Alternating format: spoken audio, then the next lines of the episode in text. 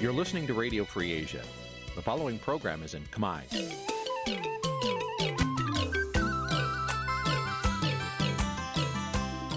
នេះជាកម្មវិធីផ្សាយ Vuthu Azizi Serai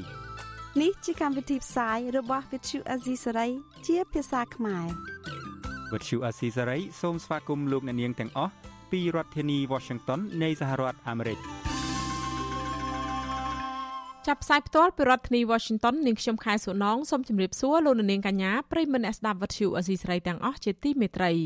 យើងខ្ញុំសូមជូនកម្មវិធីផ្សាយសម្រាប់ព្រឹកថ្ងៃប្រហ័ស500ខែចែកឆ្នាំខាលចត្វាស័កពុរសករាជ2565ដែលត្រូវនឹងថ្ងៃទី21ខែមេសា គ្រិស្តសករាជ2022ចាជាដំបូងនេះសូមអញ្ជើញលោកនាងស្ដាប់ព័ត៌មានប្រចាំថ្ងៃដែលមានមេតិការដូចតទៅ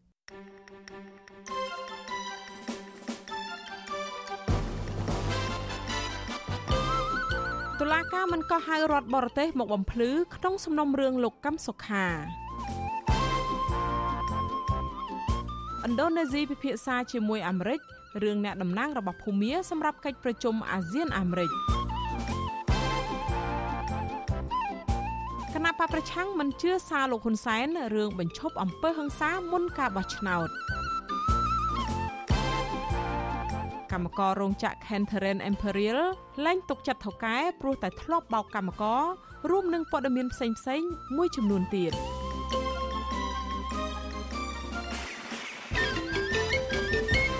ចាជាបន្តទៅនេះនាងខ្ញុំខែសុណងសូមជូនព័ត៌មានទាំងនេះពឹស្ដាមេធាវីការពារក្តីលោកកំសុខា ក្រុងនឹងដាក់ពាក្យស្នើទៅតុលាការនៅចុងខែមេសាឬដើមខែមិថុនាខាងមុខដើម្បីឲ្យតុលាការកោះហៅរដ្ឋបរទេសមួយចំនួនពាក់ព័ន្ធទៅនឹងសំណុំរឿងចោតប្រកាន់ថាមេបកប្រឆាំងរូបនេះខົບខិតនឹងរដ្ឋបរទេសប៉ុនប៉ងផ្ដួលរំលំរដ្ឋាភិបាល ការលើកឡើងនេះធ្វើឡើងបន្ទាប់ពីក្រុមមេធាវីទទួលបានតម្រុយថាតុលាការមានចេតនាមិនអោយកោះហៅតំណាងរដ្ឋបរទេសមកបំភ្លឺក្នុងសំណុំរឿងដ៏ចម្រូងចម្រាសនេះដោយសំអាងហេតុផល ថាអនុសញ្ញាទីក្រុងវីយ៉ែនមិនអនុញ្ញាតទេ មន្ត្រីសង្គមស៊ីវិលដែលឃ្លាំមើលសវនាការយល់ថាបាតុលាការមានឆន្ទៈនឹងរកមធ្យោបាយកោះហៅតំណាងរដ្ឋបរទេសឲ្យបញ្ជាក់ការពិត និងជាការលាងជម្រះនៃការចោទប្រកាន់ផងដែរចាអ្នកស្រីសុជីវីរាយការណ៍ព័ត៌មាននេះសំណុំរឿងរបស់មេបកប្រឆាំងលោកកឹមសុខាមិនអាចជៀសផុតនឹងឈានដល់ការដេញដោលពីការស្នើសុំឲ្យរដ្ឋបរទេសពាក់ព័ន្ធនៅក្នុងការចោទប្រកាន់ ឲ្យចូលមកបំភ្លឺនៅតុលាការឡើយបើទោះបីជាតុលាការទំនងជាមិនចង់ប្រើឆន្ទៈនុសិទ្ធក៏ហៅរដ្ឋបរទេសដែលពាក់ព័ន្ធទាំងនោះក៏ដោយសហមេធាវីការពីសិទ្ធិឲ្យលោកកឹមសុខាគឺលោកអាងឧត្តមលោកថ្លែងប្រាប់អ្នកសារព័ត៌មាននៅក្រៅចប់សវនកម្មកាលពីថ្ងៃទី20ខែមេសាថាស្របគ្នានឹងការដាក់សំណើឲ្យតុលាការក៏ហៅបណ្ដារដ្ឋបរទេសឲ្យចូលមកបំភ្លឺក្រមមេធាវីក៏នឹងស្នើឲ្យតុលាការបើកសវនកម្ម ដើម្បីសម្រេចពីការកោះហៅតំណាងរដ្ឋបរទេសនេះលោកថាក្រមមេធាវីនឹងដាក់សំណើទៅតុលាការយ៉ាងយូរបំផុតត្រឹមដើមខែក្រោយនេះគីមករឿងក្តីគឺជួយតុលាការក្នុងការស្វែងរកការពិតឲ្យអ្នកទាំងអស់ហ្នឹងមកនិយាយការពិតមកថាមានការត្រូវរើមានការខុបខិត មានសន្តិទ្ធភាពមួយពួកនឹងអត់មានច្រើនក្នុងហ្នឹងគេហលហគេដាក់ដាក់លេខសម្ងាត់លេខសម្គាល់មិនឲ្យនិយាយទៀតមានក្នុងមានសហគមន៍អឺរ៉ុបមានក្រៅពីហ្នឹងទៀត ពេលហ្នឹងយើងនឹងស្នើសុំឲ្យតុលាការធ្វើសវនាការមួយដើម្បីសម្រេចថាត្រូវកោះហៅអ្នកអស់ហ្នឹងឬអត់យើងដឹងតម្រង់តម្រុយតុលាការឲ្យនឹងមិនធ្វើតាមយើងទេប៉ុន្តែមិនធ្វើតាមយើងត្រូវតែធ្វើគាត់មិនឆ្លើយតបគាត់មិនធ្វើតាមដំណើររបស់មេធាវីអានឹងរឿងតុលាការផ្សេងលោកអាងឧត្តមឲ្យដឹងទៀតថាតុលាការបានលើកហេតុផលថាអនុសញ្ញាទីក្រុងវីយ៉ែនគឺមិនអនុញ្ញាតឲ្យតុលាការក៏ហៅតំណាងរដ្ឋបរទេសបែបនោះឡើយ កម្ពុជាបានផ្ដល់សច្ចាប័នលើអនុសញ្ញាទីក្រុងវីយ៉ែនស្ដីពីទំនាក់ទំនងកុងស៊ុលកាលពីខែកុម្ភៈឆ្នាំ2005អនុសញ្ញាដែលអនុម័តឡើងនៅក្នុងទីក្រុងវីយ៉ែនកាលពីឆ្នាំ1963នេះចែងពីទំនាក់ទំនងចំណងការទូត និងអភ័យឯកសិទ្ធិការទូតអនុលោមទៅតាមគោលបំណងនិងគោលការណ៍របស់ធម្មនុញ្ញអង្គការសហប្រជាជាតិស្ដីពីអធិបតេយ្យភាព សមភាពនៃរដ្ឋទាំងឡាយការរក្សាសន្តិភាព និងសន្តិសុខអន្តរជាតិ និងការជំរុញឲ្យទំនាក់ទំនងជាមិត្តភាព រវាងប្រជាជាតិទាំងឡាយជាមួយគ្នានេះអនុសញ្ញានេះមានគោលដៅធានានៅការបំពេញមុខងារប្រកបដោយប្រសិទ្ធភាពទៅដល់បណ្ដាប៉ុស្តិ៍កុងស៊ុលទាំងឡាយនៅក្នុងនាមរដ្ឋរៀងៗខ្លួន ដែលមិនសំដៅទៅដល់ផលប្រយោជន៍បុគ្គលណាឡើយតែទោះជាយ៉ាងណាលោកអាងឧត្តមបន្តថាអំណះអំណាងពីអនុសញ្ញាទីក្រុងវីយ៉ែនមិនមែនជារឿងត្រឹមត្រូវឡើយដោយលោកសំអាងថាតុលាការបានបកស្រាយខុស លោកថាតុលាការដែលជាអ្នកមានសិទ្ធិអំណាចនៅក្នុងការកោះហៅអ្នកពាក់ព័ន្ធគឺតុលាការមិនគួរបែរមកប្រាប់មេធាវីថាបើចង់កោះហៅតំណាងរដ្ឋបរទេសណាមួយឲ្យក្រុមមេធាវីកោះហៅដោយខ្លួនឯងបែបនេះឡើយទោះយ៉ាងណាលោកអាងឧត្តមប្រាប់ទៅតុលាការវិញថាមេធាវីគ្មានអំណាចអាជ្ញានៅក្នុងការកោះហៅសាកសីនោះទេលោកបន្តថាទួលនីតិមេធាវីត្រឹមតែជាអ្នកជួយតុលាការស្វែងរកការពិតតុលាការត្រូវតែធ្វើរឿងហ្នឹង តែគាត់រុញឲ្យយើងមកធ្វើវិញតែយើងមានអំណាចអាជ្ញាណាក៏ហៅសាស័យយើងជាភាគីយើងមានមេធាវីនោះមានតឡាការទេមានអំណាចអាជ្ញាក្នុងការកោះអញ្ជើញបង្គាប់បញ្ជាឲ្យភាគីឲ្យសាកសីចូលមកមកឆ្លើយមកស្ដាប់សំណើចមកសួរសំណួរតែគាត់រុញមកអញ្ចឹងបានន័យថាគាត់រុញខុសតែយើងនឹងហុកឲ្យមាត់គាត់វិញឲ្យគាត់ទទួលគាត់ធ្វើតាមមិនធ្វើតាមរឿងគាត់ ហើយពេលហ្នឹងបើមានសវនាការយើងនឹងបាត់កកកកាយឲ្យអស់តាអ្នកណាខ្លះនៅក្នុងសវនាការលោកកឹមសុខានៅថ្ងៃទី20ខែមេសា ដែលជាសវនាការលើកទី37តំណាងអัยការនៅតែព្យាយាមពន្យាពេលឲ្យសវនកម្មស៊ីពេលកាន់តែយូរដោយតំណាងអាយកាសួរសំណួរដដែលដដែលជាសំណួរដែលបានសួរជាច្រើនសវនកម្មរួចមកហើយ សវនកម្មនេះដែរមានការឃ្លាំមើលពីតំណាងស្ថានទូតសហរដ្ឋអាមេរិកតំណាងសហភាពអឺរ៉ុបនិងតំណាងអង្គការសហប្រជាជាតិប្រចាំនៅកម្ពុជា ក្រៅពីនេះក៏មានតំណាងអង្គការសង្គមស៊ីវិលដែរនៅឯក្រៅរបងតុលាការឯនោះវិញក៏មានអ្នកគាំទ្រលោកកឹមសុខាដែរប៉ុន្តែត្រូវសមត្ថកិច្ចរឹតបន្តឹងសន្តិសុខយ៉ាងតឹងរឹងនៅជុំវិញបរិវេណតុលាការអ្នកនាំពាក្យសមាគមការពារសិទ្ធិមនុស្សអាត6លោកសឹងសានករណាដែលចូលទៅឃ្លាំមើលសវនាការនេះយល់ថា ដើម្បីឲ្យជនជាប់ចោតនៅក្នុងសំណុំរឿងអាចទទួលបានយុត្តិធម៌តុលាការគួររៀបចំឲ្យអ្នកពាក់ព័ន្ធអាចចូលរួមនៅក្នុងសវនាការដើម្បីឲ្យអ្នកទាំងនោះមានឱកាសមកបកស្រាយលោកបន្តថារដ្ឋបរទេសដែលរដ្ឋាភិបាលចោទប្រកាន់ថាបានខົບខិតជាមួយលោកកឹមសុខា ក្នុងការប៉ុនប៉ងផ្ដួលរំលំរដ្ឋាភិបាល គឺជាតួអង្គសំខាន់នៅក្នុងការបញ្ជាក់ថាលោកកឹមសុខាដែលត្រូវបានចោទប្រកាន់នោះបានប្រព្រឹត្តល្មើសឬមិនបានប្រព្រឹត្ត ការដែលយើងចោទប្រកាន់ថាអ្នកណាប្រព្រឹត្តបទល្មើសក៏គេចង់ដែររដ្ឋខ្លះគេគេមិនមានអីត្រូវភ័យខ្លាចទេព្រោះពេលខ្លះគេក៏មិនសប្បាយចិត្តដែរក្នុងការចោទថាគេពាក់ព័ន្ធទៅនឹងរឿងបញ្ហាផ្ដួលរំលំរដ្ឋាភិបាលចោទប្រកាន់ខ្លះដែលគេអត់អាចទទួលយកបានគេក៏ចង់ដែរគេចង់បកស្រាយគេចង់បំភ្លឺដែរព្រោះហ្នឹងវាប៉ះពាល់ទៅដល់តម្លៃហើយនឹងមុខមាត់នៃប្រទេសគេដែរណាប្រធានគណៈបកសង្គ្រោះជាតិលោកកឹមសុខា បានបាត់បង់សិទ្ធិធ្វើនយោបាយនិងមិនអាចចេញទៅក្រៅប្រទេសក្រោយតុលាការបានចោទប្រកាន់ពីបទក្បត់ជាតិឬសន្តិទ្ធភាពជាមួយរដ្ឋបរទេសកាលពីឆ្នាំ2017មេធាវីតំណាងរដ្ឋាភិបាលដែលជាដើមបណ្ដឹងគឺលោកគីតិចលោកធ្លាប់លើកឡើងថាមានប្រទេសចំនួន9ដែលពាក់ព័ន្ធនឹងលោកកឹមសុខាក្នុងនោះរួមមានឥណ្ឌូនេស៊ីយូហ្គោស្លាវីសេប៊ីអូស្ត្រាលីអាមេរិកកាណាដាសហភាពអឺរ៉ុបកោះតៃវ៉ាន់និងឥណ្ឌា វិទ្យុអាស៊ីសេរីធ្លាប់សាកសួរទៅអ្នកនាំពាក្យស្ថានទូតសហរដ្ឋអាមេរិកប្រចាំនៅកម្ពុជា ពីជំហររបស់សហរដ្ឋអាមេរិកតាក់ទងនឹងបំណងរបស់មេធាវីលោកកឹមសុខាដែលចង់កោះហៅតំណាងរដ្ឋបរទេសនេះតែទោះជាយ៉ាងណា អ្នកនាំពាក្យអះអាងថាមិនឆ្លើយតបនឹងស្ថានភាពដែលមិនទាន់កើតមានជាក់លាក់នៅឡើយយ៉ាងនេះក្តីសហរដ្ឋអាមេរិកបានអំពាវនាវជាច្រើនលើកច្រើនសារដដែលដដែលឲ្យអាជ្ញាធរកម្ពុជាបញ្ឈប់រឿងក្តីក្តាំ ដែលជាការចោទប្រកាន់បែបនយោបាយតទៅទៀតរួមទាំងរឿងក្តីរបស់លោកកឹមសុខា និងសមាជិកគណៈបកនយោបាយប្រឆាំងអ្នកសារព័ត៌មានសកម្មជនសហជីពការងារនិងសកម្មជនបរិស្ថានចំពោះសវនាការរឿងក្តីលោកកឹមសុខាវិញតុលាការនឹងបន្តសវនាការនេះនៅថ្ងៃទី27ខែមេសាខាងមុខទៀតនាងខ្ញុំសុជីវី With Shu Azizi Saray ពីរដ្ឋធានី Washington thank you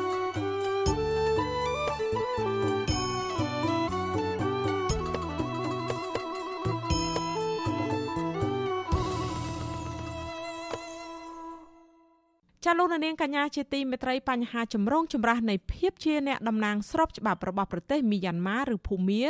បានកើតមានឡើងជាថ្មីម្ដងទៀតស្របពេលដែលក្រុមមេដឹកនាំអាស៊ាននិងអាមេរិកក្រុងជួបប្រជុំផ្ទាល់មុខគ្នានៅពាក់កណ្ដាលខែឧសភាខាងមុខនេះនៅរដ្ឋធានី Washington នៃសហរដ្ឋអាមេរិកប្រទេសភូមា មានមេដឹកនាំរបបសឹកយោធាលោកមីនអងលៀងកំពុងគ្រប់គ្រងអំណាចដោយខុសច្បាប់ ក្រោយពីបានធ្វើរដ្ឋប្រហារកាលពីដើមឆ្នាំ2021ទម្លាក់ក្រុមមេដឹកនាំស្របច្បាប់ចេញពីអំណាចប្រទេសនេះក៏មានរដ្ឋាភិបាលបង្រួបបង្រួមជាតិដឹកនាំដោយក្រុមរបស់អ្នកស្រីអ៊ុងសានស៊ូជីដែលប្រឆាំងនឹងរបបសឹកភូមាក្នុងនាមជាប្រធានបដូវវេនអាស៊ានឆ្នាំ2022កម្ពុជាបានបដូរចិត្តមិនអញ្ជើញមេដឹកនាំរបបសឹកភូមាឲ្យចូលរួមកិច្ចប្រជុំចង្អៀតថ្នាក់រដ្ឋមន្ត្រីការបរទេសអាស៊ាន កាលពីដើមឆ្នាំនេះ ក្រោយបរាជ័យមិនអាចរៀបចំកិច្ចប្រជុំនេះដោយសារតែប៉ុនប៉ងចង់ឲ្យមេដឹកនាំរបបសឹកមកចូលរួមហើយរងនឹងការជំទាស់ពីក្រុមមេដឹកនាំប្រទេសសមាជិកអាស៊ានមួយចំនួននោះ។ អ្នកនាំពាក្យក្រសួងការបរទេសកម្ពុជាលោកជុំសន្ទ្រីបញ្ជាក់ប្រាប់វិទ្យុអាស៊ីសេរីតាមបណ្ដាញសង្គម Telegram កាលពីថ្ងៃទី19ខែមេសា ថាបញ្ហាដទៃទៀតពាក់ព័ន្ធទៅនឹងកិច្ចប្រជុំកម្ពុជាពិសេសអាស៊ានអាមេរិកនេះរួមទាំងបញ្ហាភាពជាតំណាងរបស់ប្រទេសភូមាផង នឹងត្រូវលើកយកមកពិភាក្សា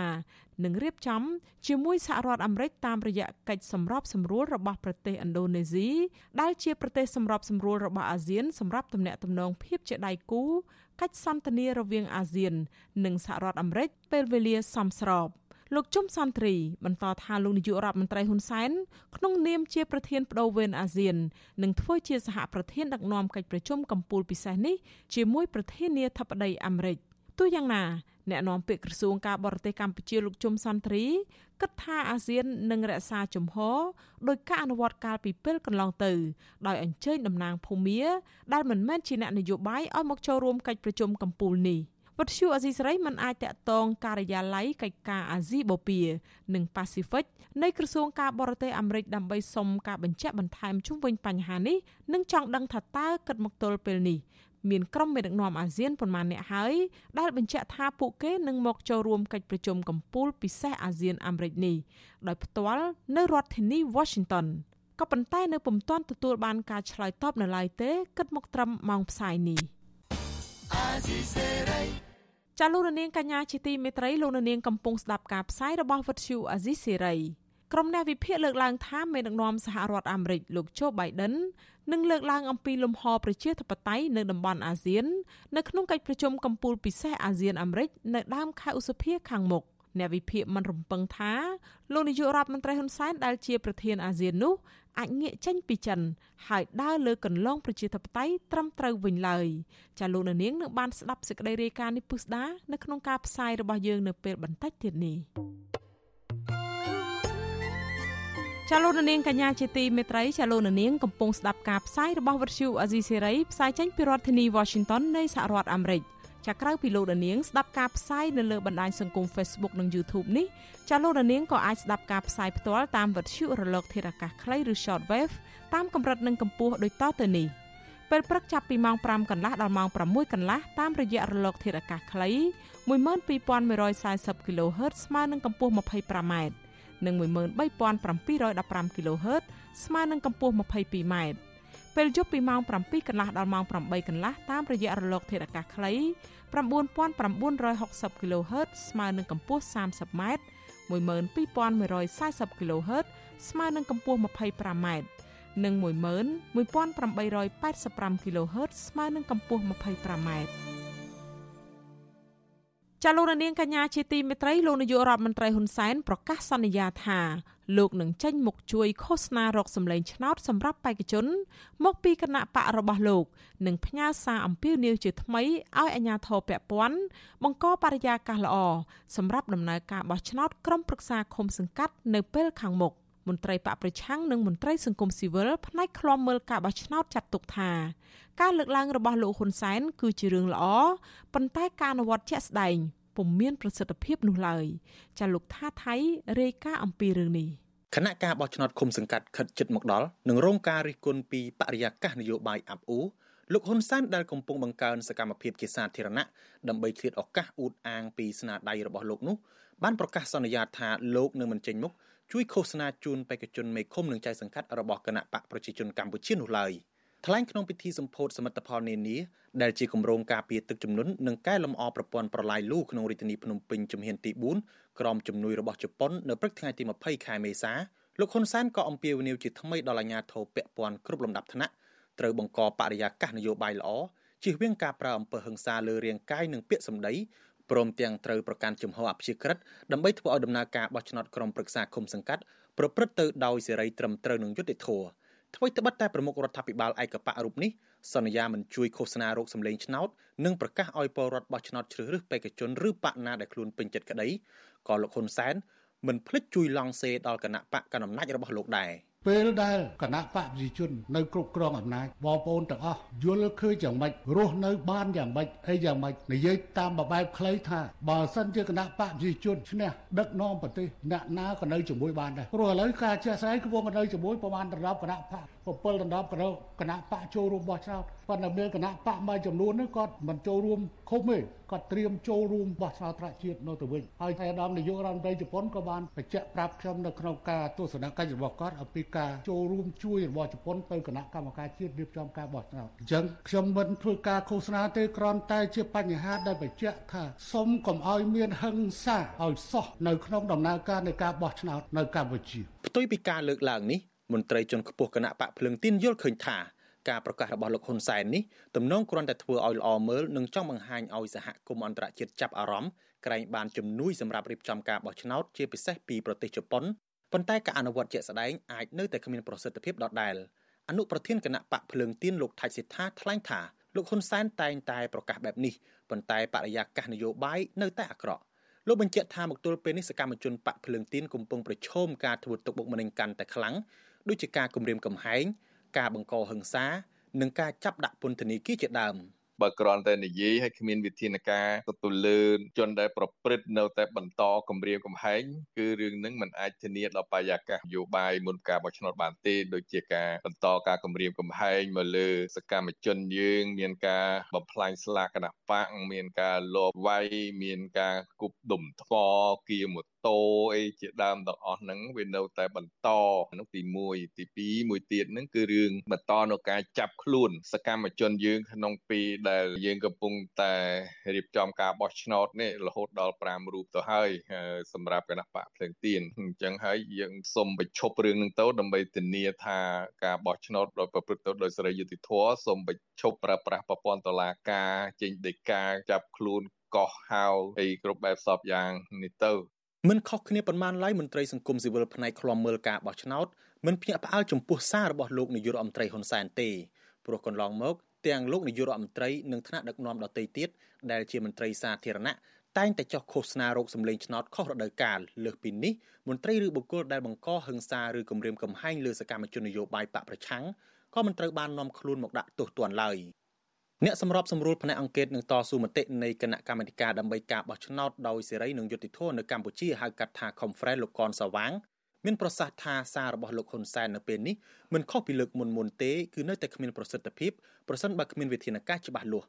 លោកបន្តថាកន្លងមកក្រុមអង្គការសង្គមស៊ីវិលជាង60ស្ថាប័នក៏បានរួមគ្នាស្នើឲ្យរដ្ឋាភិបាលលោកហ៊ុនសែន ធានាឲ្យបាននៅលក្ខខណ្ឌអបបរមា6ចំណុចរួមមានការបង្កើតបរិយាកាសនយោបាយសេរីធានាសិទ្ធិនយោបាយនិងសិទ្ធិបោះឆ្នោតកែសម្រួលសមាជិកភាពគណៈកម្មាធិការជ្រៀបចំការបោះឆ្នោតធានាឯករាជ្យភាពនិងអព្យាក្រឹតភាពរបស់តុលាការនិងកងកម្លាំងប្រដាប់អាវុធព្រមទាំងធានាការអនុវត្តទូនីតិដោយសេរីរបស់អង្គការសង្គមស៊ីវិលនិងប្រព័ន្ធផ្សព្វផ្សាយជាដើមក៏ប៉ុន្តែលោកពិនិត្យឃើញថាលក្ខខណ្ឌអបបរមាទាំង6ចំណុចនេះមិនត្រូវបានរដ្ឋាភិបាលអើពើដោះស្រាយឲ្យបានជាដុំកំភួននោះឡើយ។ ដែលជាហេតុធ្វើឲ្យក្រុមអង្គការសង្គមស៊ីវិលព្រួយបារម្ភកាន់តែខ្លាំងអំពីដំណើរការបោះឆ្នោតដែលប្រព្រឹត្តទៅគ្មានលក្ខណៈសេរីត្រឹមត្រូវនិងយុត្តិធម៌ ទោះបីយ៉ាងណាការដែលត្រឹមមានតែត្រឹមសារវាមិនបានគ្រប់គ្រាន់ទេគឺថាត្រូវតែដាក់បទបញ្ជាឲ្យនៅម៉ាត់ក្នុងការពិនិត្យមើលទៅលើថ្នាក់ក្រោមជាភាសាអាជ្ញាធរមូលដ្ឋានឬក៏មន្ត្រីរាជការមូលដ្ឋានហ្នឹងពីព្រោះកិច្ចការងារកន្លងមកវាតែងតែកើតឡើងអំពីអ្នកទាំងអស់ហ្នឹងទោះបីដោយប្រយោលក៏ដោយមិនប្រយោលក៏ដោយគឺថាកើតឡើងពីអ្នកទាំងអស់ហ្នឹងនៅក្នុងតំបន់មួយចំនួនដែលគណៈបកយោបាយប្រកួតប្រជែងជាមួយនឹងគណៈបកដែលមានអំណាចហ្នឹងតែងតែលើកឡើងរួមទាំងជាបរដ្ឋឬក៏ខាងសហគមន៍ផងដែរណាដែលតែងតែលើកឡើងអញ្ចឹងសូមឲ្យដាក់មានវិធានការថែមទៀតដើម្បីឲ្យមានសិទ្ធិភាពមកទល់ពេលនេះមានសកម្មជនគណៈបកភ្លើងទៀន6នាក់ហើយក្នុងនោះរួមទាំងសាច់ញាតិរបស់ពួកគេផងត្រូវបានអាជ្ញាធររដ្ឋាភិបាលលោកហ៊ុនសែនចាប់ខ្លួនដាក់ពន្ធនាគារគណៈបេក្ខជនជាង10នាក់ទៀតតុលាការបានកោះហៅទៅបំភ្លឺពីបទញុះញង់លើសពីនេះអនុប្រធានប្រតិបត្តិគណៈបកភ្លើងទៀននៅខណ្ឌច្បារអំពើរាជធានីភ្នំពេញលោកជឿនសារឹម បានស្លាប់កាលពីពេលថ្មីៗនេះដោយសារគ្រោះថ្នាក់ចរាចរណ៍ដោយគ្រូសាជនរងគ្រោះសង្ស័យថាជាប់ពាក់ព័ន្ធនឹងរឿងនយោបាយប្រជនរងគ្រោះធ្លាប់ទទួលរងការគំរាមកំហែងពីសំណាក់អាជ្ញាធរនិងរងការលបវ័យប្រហារនឹងដំបងពីជនមិនស្គាល់មុខដោយសារបន្តគ្រប់គ្រងគណៈបកប្រឆាំងក្រៅពីនេះសកម្មជននិងបេក្ខជនបកនេះជាច្រើនអ្នកត្រូវបានអាជ្ញាធរនិងជនមិនស្គាល់មុខប៉ុនប៉ងធ្វើបាបដោយគប់ដុំថ្មចូលក្នុងផ្ទះនិងដេញធាក់ម៉ូតូផ្ដួលគំរាមកំហែងនិងរារាំងបេក្ខជនបកភ្លើងទៀនគ្រប់រូបភាពដែរ គណៈបកប្រឆាំងនឹងក្រុមអង្គការសង្គមស៊ីវិលវាយតម្លៃថាបើបរិយាកាសនយោបាយនៅតែស្ថិតក្នុងភាពអាប់អួរបែបនេះនឹងមិនអាចធានាថាការបោះឆ្នោតនៅពេលខាងមុខប្រកបដោយសេរីត្រឹមត្រូវនិងយុត្តិធម៌នោះទេខ្ញុំថាថៃពីទីក្រុងមែលប៊ន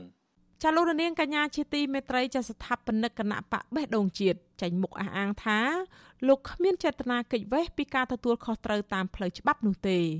លោកសៀមភ្លុកសង្ឃឹមថាតុលាការនឹងដំកល់សំណុំរឿងនេះ ទុកមិនចាត់ការនៅពេលដែលលោកចូលខ្លួនបំភ្លឺនៅតុលាការចាប់ពីរដ្ឋធានី Washington លោកទីនហ្សាការីយ៉ារាយការណ៍ព័ត៌មាននេះស្ថាបនិកគណៈបកបៃដងជាលោកសៀមផ្លុកអះអាងថាលោកនឹងចូលខ្លួនទៅបំភ្លឺការពិតនៅចំពោះមុខចៅក្រមស៊ើបសួរនៅពេលទទួលបានឯកសារពាក់ព័ន្ធសំណុំរឿងរបស់លោកពីតុលាការរួចរាល់នឹងបានពឹងពាក់មេធាវីឲ្យជួយការពារក្តីការអះអាងរបស់ស្ថាបនិកគណៈបកបៃដងជាតិបែបនេះក្រោយពេលមានការចោះផ្សាយព័ត៌មានថាលោកមានចេតនាកិច្ចវេះពីការទទួលខុសត្រូវ លិខិតរបស់ស្ថាបនិកគណៈបកបៃដងជាតិលោកសៀមផ្លុកចុះថ្ងៃទី20ខែមេសាឲ្យដឹងថាកន្លងទៅលោកបានដឹងព័ត៌មានក្រៅផ្លូវការថាចៅក្រមស៊ើបសួរសាលាដំបងរាជធានីភ្នំពេញលោកលីសុខាបានចេញដីកាបង្គាប់ឲ្យនាំខ្លួនលោកទៅតុលាការឲ្យបានមុនថ្ងៃទី25ខែមេសាខាងមុខពាក់ព័ន្ធនឹងការចោទប្រកាន់ករណីក្លែងបន្លំនិងប្រើប្រាស់លិខិតក្លែងទោះជាយ៉ាងណាលោកថាមកទល់ពេលនេះរូបលោកផ្ទាល់មិនទាន់ទទួលបានដីកាកោះជាផ្លូវការពីតុលាការតាមអាស័យដ្ឋានដែលបង្ហាញនៅក្នុងដីកានោះទេ ជុំវិញនឹងការលើកឡើងរបស់លោកសៀមភ្លុកបែបនេះវិទ្យុអសិរ័យមិនអាចសុំការឆ្លើយតបពីប្រធានលេខាធិការដ្ឋានសាលាដំបងរាជធានីភ្នំពេញលោកអ៊ីរ៉ានដើម្បីសួរអំពីបញ្ហានេះបន្ថែមបានទេនៅថ្ងៃទី20មេសាចំណែកស្ថាបនិកគណៈបកបដងជាលោកសៀមភ្លុកឲ្យវិទ្យុអសិរ័យដឹងបន្ថែមថាការចាប់ប្រកាន់លើរូបលោកពេលនេះអាចមានហេតុផលពីរយ៉ាង ទី1អាចមានការមិនយល់គ្នា ឬមានការយល់ច្រឡំនៃតំណាងក្រសួងមហាផ្ទៃពាក់ព័ន្ធនឹងផ្លូវច្បាប់ លោកសង្ឃឹមថាបន្ទាប់ពីលោកបានចូលឆ្លើយបំភ្លឺការពិតនៅចំពោះមុខចៅក្រមស៊ើបសួររួចតឡាការនឹងដំកល់សំណុំរឿងនេះទុកមិនចាត់ការពីព្រោះសំណុំរឿងចោទប្រកាន់នេះមានវិមតិសង្ស័យមានហេតុផលដោះបន្ទុកគ្រប់គ្រាន់និងមិនមានផ្ទះស្នាក់កម្មសង្គមនឹងអ្នកដទៃទេទី2លោកថាអាចនឹងត្រូវតឡាការឃុំខ្លួនបណ្ដោះអាសន្នប្រសិនបើរឿងនេះជារឿងនយោបាយហើយនឹងត្រូវរងចាំការជំនុំជម្រះតាមយុទ្ធសាស្ត្រនយោបាយ លោកសៀមភ្លុកលើកឡើងទៀតថាលោកបានត្រៀមចិត្តនឹងបានសម្រេចទទួលយកលទ្ធផលទាំងពីរនេះរួចហើយទោះជាបែបនេះក្តីលោកជឿជាក់ថាបកកណ្ដាលអំណាចមិនធ្វើរឿងនយោបាយមិនសំទំនងបែបនេះមកលើរូបលោកនោះទេជុំវិញនឹងការលើកឡើងបែបនេះរបស់លោកសៀមភ្លុកអ្នកនាំពាក្យគណៈបកប្រជាជនកម្ពុជាលោកសុកអេសានអះអាងថារឿងតុលាការនិងបកកណ្ដាលអំណាចជារឿងដាច់ដライពីគ្នាលោកបន្តថាបើសិនជាលោកសៀមភ្លុកមិនបានប្រព្រឹត្តខុស លោកសៀមផ្លុកមិនគួរភ័យខ្លាចឡើយហើយត្រូវហ៊ានចូលបំភ្លឺនៅតុលាការអត់មានខុសអីទេអានឹងគាត់មិនខ្លាចមិនគួរខ្លាចអីទេហើយមិនបាច់ធ្វើអត្ថាធិប្បាយទេ បើតឡាការគេក៏អញ្ជើញគាត់គាត់ចូលខ្លួនដើម្បីទៅបំភ្លឺទៅអាហ្នឹងវាមានបញ្ហាអីវាស្របទៅតាមគោលការណ៍នេះទេវិធីច្បាប់ហើយបាទអេអត់ទេអាហ្នឹងរឿងគាត់រឿងគាត់ជារឿងគាត់តឡាការជារឿងតឡាការអាហ្នឹងធ្វើតាមពិរុទ្ធភាពរបស់សម័យជនបើអត់មានពិរុទ្ធភាពទេគេឲ្យគាត់មកផ្ទះវិញហើយមានតែចំណែកនាយកប្រតិបត្តិអង្គការឃ្លាំមើលការបោះឆ្នោតនៅកម្ពុជាហៅកាត់ថា Netflix លោកសំគុណធីមីយល់ថា ករណីតឡាការចេញនៃការឲ្យនាំខ្លួនលោកសៀមភ្លុកតាក់ទងនឹងរឿងខ្លាយបន្លំស្នាមមេដៃនេះហាក់ធ្ងន់ធ្ងរពេកចំពោះលោកសៀមភ្លុកលោកថាករណីនេះគឺអាចកើតឡើងមកពីភាពខ្វះចន្លោះនៃការបំពេញការងាររបស់ភ្នាក់ងារគណៈបកបដងជាតិប៉ុន្តែលោកថាមិនមែនជាបទល្មើសចោរកម្មនោះទេមន្ត្រីឃ្លាំមើលការបោះឆ្នោតរូបនេះយល់ថាក្រឹមការបដិសេធមិនចុះបញ្ជីឲ្យគណៈបកបដងជាតិគឺល្មមគ្រប់គ្រាន់ហើយសម្រាប់ករណីនេះ ព្រោះរឿងភ្នាក់ងារគណៈបកទេមិនមែនរឿងបលល្មើសចោរកម្មអីណាព្រោះឃើញថាសាមេដៃខ្លះវាមិនត្រឹមត្រូវអីចឹងលោកអាចហ្នឹងដូចដូចភ្លឹងទៀនអីកន្លងមកចឹងគេបដិសេធចឹងបាទបដិសេធដូចទៅប្រមាណគុំសង្កាត់ចឹងណាលោកបាទវាសំល្មមឲ្យទុកឲ្យគេធ្វើសកម្មភាពនយោបាយទៀតទៅណាក្រសួងមហាផ្ទៃសម្រេចមិនចុះបញ្ជីឲ្យគណៈបកបដងជាតិដោយចាត់ប្រកាន់ថា គណៈបកនេះបានបន្លំស្នាមមេដៃអ្នកគ្រប់គ្រងនិងស្នាមមេដៃខ្លះខូចគុណភាពកាលពីថ្ងៃទី8វិច្ឆិកាឆ្នាំ2021កន្លងទៅនឹងបានប្តឹងស្ថាបនិកគណៈបកនេះលោកសៀមភ្លុកទៅតុលាការពាក់ព័ន្ធនឹងការចោទប្រកាន់ថាបន្លំស្នាមមេដៃនេះចៅក្រមស៊ើបសួរនៅសាលាដំបងរាជធានីភ្នំពេញលោកលីកសុខាបានចេញនៃការកាលពីថ្ងៃទី4មេសាបង្គាប់ឲ្យសមាជិកនាំខ្លួនលោកសៀមភ្លុកមកសាកសួរនៅតុលាការឲ្យបានមុនថ្ងៃទី25មេសាពាក់ព័ន្ធនឹងការចាប់ប្រកាន់ករណីក្លែងបន្លំ និងប្រើប្រាស់លិខិតក្លែងក្នុងការបង្កើតគណៈបកបេះដូងជាតិកាលពីឆ្នាំ2021កន្លងទៅដែលបទល្មើសនេះអាចប្រឈមនឹងជាប់ពន្ធនាគាររហូតដល់3ឆ្នាំពេលនេះស្ថាបនិកគណៈបកបេះដូងជាតិលោកសៀមភ្លុកកំពុងនៅកន្លែងមានសុវត្ថិភាពដើម្បីត្រៀមខ្លួនចូលទៅបំភ្លឺនៅតុលាការខ្ញុំធីនសាការីយ៉ាអស៊ីសេរីប្រធានីវ៉ាស៊ីនតោន ចាលោកនាងកញ្ញាជាទីមេត្រីចាតកតងទៅនឹងរឿងចម្រុងចម្រាស់នៃវិវាទការងាររបស់ក្រុមកម្មករវិស័យកាត់ដេរវិញតំណាងកម្មកររោងចក្រកាត់ដេរសម្លៀកបំពាក់ Kentheren Imperial Cambodia នៅផ្លូវវែងស្រេងខណ្ឌពោធិ៍សែនជ័យក្រុងភ្នំពេញសម្រាប់ផ្អាកការតវ៉ាបិទផ្លូវមួយរយៈកាលពីថ្ងៃទី20ខែមេសាម្សិលមិញក្រោយមានការព្រមព្រៀងគ្នាថ្មីមួយជាមួយភាគីថៅកែរោងចក្រ ប៉ុន្តែពួកគាត់ថាកម្មករនៅតែបន្តបាក់ស្បាត់និងលែងទុកចិត្តថៅកែរោងចក្រព្រោះតែធ្លាប់បោកកម្មករចាលោកមួងណារ៉េតរាយការណ៍ព័ត៌មាននេះកម្មកររោងចក្រកាត់ដេរសម្លៀកបំពាក់ Kentheren Apparel Cambodia ជាង400នាក់បន្តផ្អាកតវ៉ាមួយរយៈសិនក្រោយតំណាងក្រុមហ៊ុនព្រមចុះកិច្ចសន្យានៅចំពោះមុខកម្មករ តំណាងក្រសួងការងារនិងអាជ្ញាធរមូលដ្ឋាន ថាឈប់លួចដឹកគ្រឿងម៉ាស៊ីនចេញពីរោងចក្រដោយមិនអោយកម្មករដឹងជាមុនទៀតក៏ប៉ុន្តែតំណាងកម្មករថាពួកគាត់ពិបាកទុកចិត្តថកែរោងចក្រនេះណាស់ព្រោះធ្លាប់ខូចតំណាងកម្មកររោងចក្រកាត់ដេរសម្លៀកបំពាក់ Canterrain Apparel Cambodia លោកស្រីសំសុខា ប្រាប់វិទ្យុអាស៊ីសេរីកាលពីថ្ងៃទី20ខែមេសាថាបើទោះបីជាកម្មករសុកចិត្តផ្អាកការតវ៉ានេះមួយរយៈក្តីក៏កម្មករនៅតែមិនទាន់ជឿជាក់លើក្រុមហ៊ុននេះនៅឡើយព្រោះតកែក្រុមហ៊ុននេះធ្លាប់មានប្រវត្តិបោកកម្មកររហូតធ្វើឲ្យកម្មករជាច្រើនបាត់ប្រាក់អតីតភាព និងអត្ថប្រយោជន៍ជាច្រើនផ្សេងទៀត។ ក៏ប៉ុន្តែលោកស្រីថាបើក្រុមហ៊ុនបោកលើកនេះទៀតក៏លោកស្រីមិនដឹងធ្វើយ៉ាងម៉េចដែរគឺមានតែពឹងលើអាជ្ញាធរមូលដ្ឋាន ជាពិសេសខាងតំណាងខណ្ឌពោធិ៍សែនជ័យឲ្យជួយចាត់ការតែប៉ុណ្ណោះកន្លងមកខ្ញុំដើរតាមនីតិវិធីច្បាប់ប្រាក់សាអាញាកដាតែក្រុមហ៊ុនវានៅតែបំពេញកន្លងមកតែលើកទី1បាទខ្ញុំកម្មកោជាបណ្ដឹងទៅខណ្ឌបើសិនជាកិច្ចព្រមព្រៀងហ្នឹងជាមួយអភិបាលខណ្ឌពោធិ៍សែនជ័យហើយអញ្ចឹងក្រុមហ៊ុនហ្នឹងនៅ ហ៊ានបំពេញកិច្ចសន្យាជាមួយខណ្ឌនឹងទៀតអត់ខ្ញុំក៏ចង់តាមដានរឿងនឹងដែរហ្នឹងកម្មករជាង400នាក់នៃរោងចក្រនេះបាននាំគ្នាធ្វើកោតកម្មបិទផ្លូវវែងស្រេងនៅទល់មុខក្រុមហ៊ុននេះកាលពីថ្ងៃទី19ខែមេសា ដើម្បីទាមទារឲ្យថៅកែគ្រប់កិច្ចសន្យា និងដោះស្រាយបញ្ហាប្រាក់ឈ្នួលជូនកម្មករ បាតកម្មនោះធ្វើឡើងក្រោយពីភាគីក្រុមហ៊ុនមិនបានគ្រប់តាមកិច្ចព្រមព្រៀងនៅក្នុងការបញ្ឈប់ដឹកជញ្ជូនគ្រឿងម៉ាស៊ីនភ្លើងចេញពីរោងចក្រ ក្រោយការតវ៉ានេះក្រសួងការងារនិងអាជ្ញាធរក៏ហៅឲ្យភាគីពាក់ព័ន្ធចូលខ្លួនបំភ្លឺជាថ្មី នៅសាលាខណ្ឌពោធិ៍សែនជ័យកាលពីថ្ងៃទី20ខែមេសាតំណាងកម្មករលោកស្រីសំសុខាថាជាលទ្ធផលតំណាងក្រុមហ៊ុនព្រមទទួលលក្ខខណ្ឌមួយចំនួនព្រមទាំងសន្យាឈប់លួចដឹកគ្រឿងចាក់ស្ងាត់ស្ងាត់ចេញពីក្រុមហ៊ុនទៀតពាក់ព័ន្ធនឹងការលួចដឹកគ្រឿងចាក់ស្ងាត់ស្ងាត់ចេញពីក្រុមហ៊ុននេះតំណាងតកែរោងចក្រលោកលីវកឹមបួរ អះអាងប្រាប់វិទ្យុអាស៊ីសេរីថាភាគីក្រុមហ៊ុនមិនមានបំណងកិច្ចវិពីការទទួលខុសត្រូវលើកម្មករកម្មការនីនោះឡើយលោកថាគ្រឿងម៉ាស៊ីនភ្លើង ដែលភាគីក្រុមហ៊ុននាំចេញទៅខាងក្រៅនោះមិនមែនជាកម្មសិទ្ធិរបស់ក្រុមហ៊ុននោះទេ ម៉ាស៊ីនហ្នឹងជួលរបស់គេណាខាងម្ចាស់គេដោយថាគាត់ត្រូវយកទៅវិញអីចឹងដល់ពេលហើយទៅក៏អត់បានជូនដំណឹងខាងគាត់ចឹងតាមពិតមិនមែនជាម៉ាស៊ីនរបស់ក្រុមហ៊ុននេះជាម៉ាស៊ីនជួលគេតាហើយពេលដែលបងប្អូនកម្មករគាត់បានមកតបានហ្នឹងគឺខាងក្រុមហ៊ុនបានដល់ឯកសារជួលឯកសារអីឲ្យគាត់អស់ហើយទៅផ្ទុយពីការហាងរបស់តំណាងតកែរោងចក្ររូបនេះលោកស្រីសំសុខាថាតកែរោងចក្រនេះ បំពេញកិច្ចសន្យាជាមួយកម្មករដែលកាលពីមុនចូលឆ្នាំ បានព្រមព្រៀងគ្នាថាមិនលួចដឹកគ្រឿងចាក់ចេញពីរោងចក្រនោះឡើយក៏ប៉ុន្តែលោកស្រីថាឆក់ឱកាសពេលដែលកម្មករសម្រាប់បុណ្យចូលឆ្នាំស្រាប់តែខាងក្រុមហ៊ុនលួចដឹកគ្រឿងចាក់ធំធំដូចជាម៉ាស៊ីនភ្លើងចេញអស់កម្មករក៏អត់សុខចិត្តអត់ទទួលស្គាល់ទេដោយសារអីអាកិច្ចសន្យាជួលហ្នឹងតាម2021ហើយដល់ពេលពួកខ្ញុំធ្វើកិច្ចព្រមព្រៀងមិនឲ្យដឹកម៉ាស៊ីនតូចធំចេញនេះក្នុង ឆ្នាំ2022ហើយនឹងថ្ងៃ6ខែ4ថ្មីថ្មីហ្នឹងអញ្ចឹងអាកិច្ចសន្យាជួលម៉ាស៊ីនគឺចាត់ទុកជាមុខហេតុអីហេតុអីបានយើងហ៊ានធ្វើកិច្ចសន្យាជាមួយកម្មករតំណាងកម្មករថាមិនដឹកចេញហើយដល់ពេលចុងក្រោយកម្មករទៅអស់ឆ្លៀតអាកាសបំពេញកិច្ចសន្យាអញ្ចឹងណាបើតាមលោកស្រីសំសុខានេះមិនមែនជាលើកទី1ទេ ដែលរោងចក្រធ្វើបែបនេះលោកស្រីថារោងចក្រនេះធ្លាប់មានប្រវត្តិរំលោភសិទ្ធិការងារនិងកេងប្រវ័ញ្ចកម្លាំងកម្មករជាច្រើនអ្នក នៅក្នុងរូបភាពបិទរោងចក្រចាស់បើករោងចក្រថ្មី ដែលធ្វើឲ្យប៉ះពាល់ដល់ប្រាក់អតីតភាពអត្ថប្រយោជន៍និងសិទ្ធិកម្មករលោកស្រីបន្ថែមទៀតថាពីមុនរោងចក្រនេះមានកម្មករជិត2000នាក់ក៏ប៉ុន្តែដោយសារទង្វើមិនស្មោះត្រង់ទាំងនេះធ្វើឲ្យកម្មករជាច្រើនបានរត់ចោលរោងចក្រនឹងរោងចក្រយកលេសដកកម្មករទៅកន្លែងផ្សេងមួយចំនួនផងឥឡូវនៅសល់តែជាង400នាក់តែប៉ុណ្ណោះលោកស្រីសំសុខាបន្តទៀតថាលោកស្រីនិងកម្មករឯទៀត ដែលត្រូវបន្តក្រាញននៀលធ្វើការនៅរោងចក្រនេះបើទោះបីជាមិនសូវទុកចិត្តថកែនេះក៏ដោយក៏ដោយសារតែពួកលោកស្រី នៅចាំយកប្រាក់អតីតភាពការងាររយៈពេល20ឆ្នាំនិងអ្នកខ្លះទៀតធ្វើបានជិត30ឆ្នាំដែលក្រុមហ៊ុននៅជំពាក់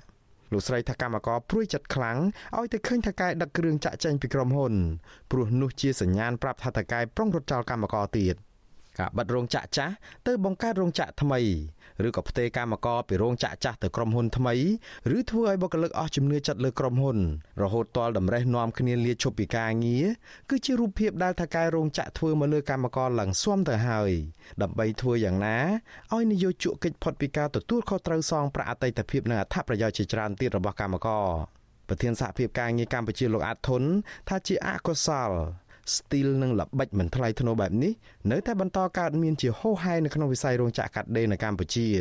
លោកបន្តថាអំពើស្មោកគ្រោកនេះអាចបន្តកើតមានទៅបានក៏ដោយសារតែមានការខុបខិតគ្នាពីមន្ត្រីមិនស្មោះត្រង់ដែរមានមេធាវីទុច្ចរិតមួយចំនួន មានមន្ត្រីមួយចំនួនផ្ដល់យោបល់ទុច្ចរិតចឹងទៅហើយអ្នកខ្លះទៅទីប្រឹក្សាក្រុមហ៊ុនទៅអ្នកខ្លះក៏មានខ្នងកាងទៅធ្វើឲ្យ ដំណើរការរបស់កម្មករដោះស្រាយអត់សូវជោគជ័យទេទោះឲ្យគាត់នឹងវេទនាហើយបើចេញតវ៉ាធ្វើការចាប់ខ្លួនឬក៏គម្រាមកំហែងធ្វើឲ្យគាត់នឹងលំបាកយូរយូរទៅកម្មករឈប់អស់គឺជោគជ័យតែម្ដងមន្ត្រីឬក៏មេធាវីឬក៏ក្រមរដ្ឋបាលខលខូចហ្នឹងគឺគេយកឱកាសហ្នឹងដើម្បីបីទទួលបានលៀបសការៈហ្នឹងអញ្ចឹងអាហ្នឹងគឺជាល្បិចអាចបើនិយាយឲ្យសាមញ្ញថាល្បិចហ្នឹងគឺវាអត់ថ្លៃថ្នូរល្បិចហ្នឹងថោកទាបមែនតើដែលដែលធ្វើបាបដល់កម្មករហ្នឹង វិទ្យុអាស៊ីសេរីមិនអាចសុំការបំភ្លឺជំរឿងនេះពីអ្នកនាំពាក្យក្រសួងការងារលោកហេងសួរបានទេដោយលោកមិនលើកទូរស័ព្ទបើទោះបីជាយ៉ាងនេះក្តីលោកអាតធុនថាក្នុងករណីបែបនេះកម្មករពុំសូវមានជំរឿសអ្វីផ្សេងក្រៅតែពីបន្តប្រើប្រាស់សិទ្ធិរបស់ខ្លួន ក្នុងការប្រមូលផ្ដុំគ្នាចេញតវ៉ានិងដាក់ពាក្យប្តឹងទៅស្ថាប័នពាក់ព័ន្ធដើម្បីឲ្យជួយរកដំណោះស្រាយជាងនេះទៅទៀតលោកថាអាញាធរដែនដីក៏មានភារកិច្ចនឹងការទទួលខុសត្រូវក្នុងការជួយការពារផលប្រយោជន៍កម្មករដែរដូចជាជួយធ្វើយ៉ាងណាទប់ស្កាត់កុំឲ្យថកែលួចដឹកគ្រឿងចាក់ចេញពីរោងចក្រឬក៏កិច្ចវេះពីការទទួលខុសត្រូវចំពោះកម្មករខ្ញុំបាទមុងណារ៉េត With you Azizi ប្រធានាធិបតី Washington ចលនានាងកញ្ញាជាទីមេត្រីក្រមប្រឹក្សាអភិវឌ្ឍកម្ពុជា បានអនុម័តលើគម្រោងវិនិយោគក្រៅតំបន់សេដ្ឋកិច្ចពិសេសចំនួន35ដែលមានទឹកប្រាក់ជាង2000លានដុល្លារក្នុងអំឡុង2ខែដើមឆ្នាំ2022នេះបើប្រៀបធៀបរយៈពេលដូចគ្នា កាលពីឆ្នាំ2021គឺកើនឡើងជាង230% របាយការណ៍របស់ក្រសួងសេដ្ឋកិច្ចនិងហិរញ្ញវត្ថុផ្សាយកាលពីថ្ងៃទី18ខែមេសាឲ្យដឹងថាគម្រោងទាំង35នោះអាចមានលទ្ធភាពបង្កើតការងារបានប្រមាណជាង30000នាក់ក្រសួងសេដ្ឋកិច្ចលើកឡើងថាបើទោះបីជាមិនទាន់មានភាពល្អប្រសើរដោយនៅមុនពេលមានវិបត្តិជំងឺ Covid-19 ប៉ុន្តែសេដ្ឋកិច្ចប្រទេសកម្ពុជា ចាប់ផ្ដើមបង្ហាញភាពវិជ្ជមានឡើងវិញជាបណ្ដាបណ្ដាហើយរដ្ឋាភិបាលកម្ពុជាបានដាក់ចេញនូវយុទ្ធសាស្ត្រថ្មីៗ ពិសេសទៅលើវិស័យដែលជាចន្ទុលនៃសេដ្ឋកិច្ចមានដូចជាវិស័យកាត់ដេរមិនមែនកាត់ដេរទេសចរនិងកសិកម្មជាដើមរបាយការណ៍ដដែលបន្តថាកាលពីឆ្នាំ2021ក្រុមប្រឹក្សាអភិវឌ្ឍកម្ពុជាហៅកាត់ថា CDC បានអនុម័តលើគម្រោងវិនិយោគឯកជននៅក្រៅតំបន់សេដ្ឋកិច្ចសរុប108គម្រោងធ្លាក់ចុះ46គម្រោងបើប្រៀបធៀបទៅនឹងឆ្នាំ2020ដោយមានទុនវិនិយោគជាង1700លានដុល្លារ គឺធ្លាក់ចុះជាង72%ក្នុងអំឡុង3ខែដើមឆ្នាំ2022នេះកម្ពុជានាំចេញបរិមាណកៅស៊ូជិត62ម៉ឺនតោនក្នុងទឹកប្រាក់ជាង100លានដុល្លារកើនឡើង11%បើប្រៀបធៀបរយៈពេលដូចគ្នា កាលពីឆ្នាំ2021អគ្គនាយកនៃអគ្គនាយកដ្ឋានកៅស៊ូលោកហឹមអូនបានប្រាប់ភ្នំពេញប៉ុស្តិ៍កាលពីថ្ងៃទី20ខែមេសាម្សិលមិញថា ការនាំកៅស៊ូចេញទាំងបរិមាណនិងតម្លៃមានការកើនឡើងដោយសារតែតម្រូវការនៅទីផ្សារក្រៅប្រទេសលោកបន្តថាក្នុងត្រីមាសទី1នេះតម្លៃជ័រកៅស៊ូចន្លោះពី1594ដុល្លារទៅ1627ដុល្លារក្នុងមួយតោនដែលតម្លៃនេះគឺជាតម្លៃល្អសម្រាប់អ្នកដាំដុះកម្ពុជាមានផ្ទៃដីជាជ័រកៅស៊ូចំនួនជាង31ម៉ឺនហិកតា ក្នុងចំណោមផ្ទៃដីដាំកៅស៊ូសរុបជិត41ម៉ឺនហិកតា សប្តាហ៍កម្ពុជា មានរោងចក្រចំនួន2កន្លែងសម្រាប់កែច្នៃកៅស៊ូទៅជាសម្បកកង់រថយន្តនៅក្នុងខេត្តប្រស័យនុនិងខេត្តស្វាយរៀងប្រធានសហគមន៍កសិករកៅស៊ូលោកជាសខិនឲ្យដឹងថាឆ្នាំនេះអាកាសធាតុអំណោយផល ដែលមានភ្លៀងធ្លាក់ដើមឆ្នាំនិងមិនសូវមានខ្យល់កន្ត្រាក់ដូចឆ្នាំមុនដែលជាហេតុធ្វើឲ្យដំណាំកៅស៊ូលូតលាស់ស្លឹកបានល្អជ័រកៅស៊ូកើនឡើងនិងអាចឆាប់បានប្រមូលផល តាក់ទងទៅនឹងដំណាំកៅស៊ូនេះសហគមន៍ចង់ឲ្យមានរោងចក្រកែច្នៃផលិតកៅស៊ូដំណើរការឲ្យបានច្រើន ដើម្បីជួយទិញកៅស៊ូពីកសិករនិងអាចផ្ដល់ស្ថិរភាពតម្លៃនិងទីផ្សារបានយូរអង្វែងរបាយការណ៍លទ្ធផលបូកសរុបការងារកុយនិងរដ្ឋកោកាលពីថ្ងៃទី12ខែមេសាបង្ហាញថាក្រៅពីការកើនឡើងនៃការនាំចេញកៅស៊ូក្នុងត្រីមាសទី1ឆ្នាំ2022 ការនាំចេញផលិតផលកសិកម្មដូចជាស្រូវអង្ករនិងកសិផលនានាក៏មានការកើនឡើងច្រើនដែរបើប្រៀបធៀបទៅនឹងអំឡុងពេល3ខែដូចគ្នា កាលពីឆ្នាំ2021ចំណែកការនាំចេញផលិតផលកាត់ដេរវិញ គឺកើនឡើងចំនួនជាង3100លានដុល្លារលើសប្រមាណជាង600លានដុល្លារឬស្មើជិត25%បើប្រៀបធៀបទៅនឹងអំឡុងពេលដូចគ្នាកាលពីឆ្នាំ2021រាយការណ៍នាំចេញផលិតផលវិនិយោគមិនមែនកាត់ដេរដូចជាកង់គ្រឿងបំណាច់អេឡិចត្រូនិកគ្រឿងបំលាស់រថយន្តជាដើមក៏មានការកើនឡើងប្រមាណ38%ផងដែរ ចាលោកនាងកញ្ញាជាទីមេត្រីចាលោកនាងកំពុងស្ដាប់ការផ្សាយរបស់វិទ្យុអាស៊ីសេរីផ្សាយចេញពីរដ្ឋធានី Washington នៃសហរដ្ឋអាមេរិកចាក្រៅពីលោកនាងស្ដាប់ការផ្សាយនៅលើបណ្ដាញសង្គម Facebook និង YouTube នេះចាលោកនាងក៏អាចស្ដាប់ការផ្សាយផ្ទាល់តាមវិទ្យុរលកធាតុអាកាសខ្លីឬ Shortwave តាមកម្រិតនិងកម្ពស់ដូចតទៅនេះ។ពេលព្រឹកចាប់ពីម៉ោង5កន្លះដល់ម៉ោង6កន្លះតាមរយៈរលកធាតុអាកាសខ្លី12140 kHz ស្មើនឹងកម្ពស់ 25m និង13715 kHz ស្មើនឹងកម្ពស់ 22m ពេលយប់ពីម៉ោង7កន្លះដល់ម៉ោង8កន្លះតាមរយៈរលកធាតុអាកាសខ្លី9960 kHz ស្មើនឹងកម្ពស់ 30m 12140 kHz ស្មើនឹងកម្ពស់ 25m និង11885 kHz ស្មើនឹងកម្ពស់ 25m ចាលោកនាងកញ្ញាជាទីមេត្រីសេចក្តីរាយការណ៍តាក់ទងទៅនឹងវិវាទដីធ្លីវិញម្ដងប្រជាសហគមន៍មានចំនួនដីធ្លីនៅខេត្តកោះកុងជាង300នាក់បានទៅតាមដាននិងគាំទ្រតំណាងពួកគេ9នាក់ចូលសវនាការក្រោមបទចោទប្រកាន់បរិហាបង្កាច់គេនិងបទញុះញង់បង្កឲ្យមានភាពវឹកវរធ្ងន់ធ្ងរដល់សន្តិសុខសង្គមពលរដ្ឋទាំងនោះចាត់ទុកថា ការហៅតំណាងរបស់ពួកគេចូលសវនាការនេះគឺជារឿងអយុត្តិធម៌មិនអាចទទួលយកបានឡើយចាលោកសេកបណ្ឌិតរាយការណ៍អំពីរឿងនេះប្រជាពលរដ្ឋមានចំនួនដីធ្លីនៅស្រុកបទុមសាគរនិងស្រុកសាមបលខេត្តកោះកុងប្រមាណ300នាក់នាំគ្នាលើកបដាទៀមទាតុលាការទម្លាក់ចោលការចោទប្រកាន់មកលើតំណាងពួកគេទាំង9នាក់នៅថ្ងៃទី20ខែមេសាក្រមប្រជាពលរដ្ឋទាំងនោះលើកឡើងថា សវនាការនៅព្រឹកថ្ងៃទី20ខែមេសាហាក់មិនមានភាពយុត្តិធម៌ដល់ពួកគេទាំង9នាក់នោះទេព្រោះសំណួរដែលមន្ត្រីតុលាការសាកសួរពួកគេភ័យច្រើន មិនពាក់ព័ន្ធនឹងបទចោទនៅក្នុងដីកានោះឡើយតំណាងពលរដ្ឋម្នាក់រស់នៅភូមិតានីឃុំជីខលើស្រុកស្រែអំបិលអ្នកស្រីអិនធូប្រាប់បទសុអសីស្រីនៅព្រឹកថ្ងៃទី20ខែមេសាថា ប្រជាពលរដ្ឋដែលចូលរួមគាំទ្រនោះតំណាងឲ្យប្រជាពលរដ្ឋចំនួន197គ្រួសារអ្នកស្រីបន្តថាសវនាការពេញមួយព្រឹកនោះតំណាងអាយកាមិនបានសាកសួរពាក់ព័ន្ធនឹងបទចោទនោះទេ ដោយសំណួរភាកច្រើនពាក់ព័ន្ធនឹងរឿងដីធ្លី លោកស្រីអះអាងថាតំណាងអាយកាមានចេតនាចង់ឲ្យប្រជាពលរដ្ឋចាញ់ក្តីនិងព្យាយាមសួរសំណួរដោយដាក់បន្ទុកដល់ប្រជាពលរដ្ឋដោយអយុត្តិធម៌ចាចំពោះខ្ញុំខ្ញុំយល់ថាអយុត្តិធម៌ណាចំពោះខ្ញុំព្រោះខ្ញុំជាប្រជាពលរដ្ឋខ្មែរប្រជាពលរដ្ឋមានទឹកមានដីមានទឹកកង់មនោឋានមានទឹកធ្វើស្រែធ្វើចម្ការចិញ្ចឹមគ្រួសាររបស់ខ្ញុំតលតែអីក៏នាងខ្ញុំទៀបទៀតវ៉ាឲ្យសុំឲ្យរីករដ្ឋាភិបាលជំរុញឲ្យលោកគេងុយតង់នៃពួកខ្ញុំមកហើយប្តឹងពួកខ្ញុំចូលតុលាការអញ្ចឹងអយុធធម៌ណាចំពោះពួកខ្ញុំពួកពួកខ្ញុំអត់បានធ្វើអីខុសទេរូបខ្ញុំតក៏អត់បានធ្វើអីខុសដែរពួកខ្ញុំតគឺអ្នក លោកស្រីបន្តទៀតថាដីធ្លីរបស់ពួកគាត់បានកាន់កាប់តាំងពីក្រោយឆ្នាំ1997ដែលបន្សល់ទុកតាំងពីដូនតាយូរមកហើយប៉ុន្តែនៅឆ្នាំ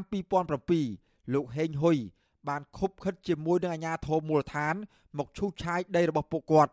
នាំឲ្យកើតរឿងរ៉ាវដល់បច្ចុប្បន្នដោយសារតែការផ្ដាល់សំណងមិនសមរម្យ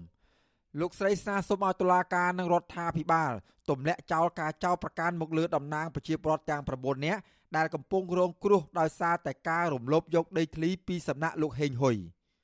តំណាងពលរដ្ឋដែលតុលាការបានចោទប្រកាន់នោះរួមមានអ្នកស្រីកើតនៅ អ្នកស្រីអិនធូអ្នកស្រីដេតហួរ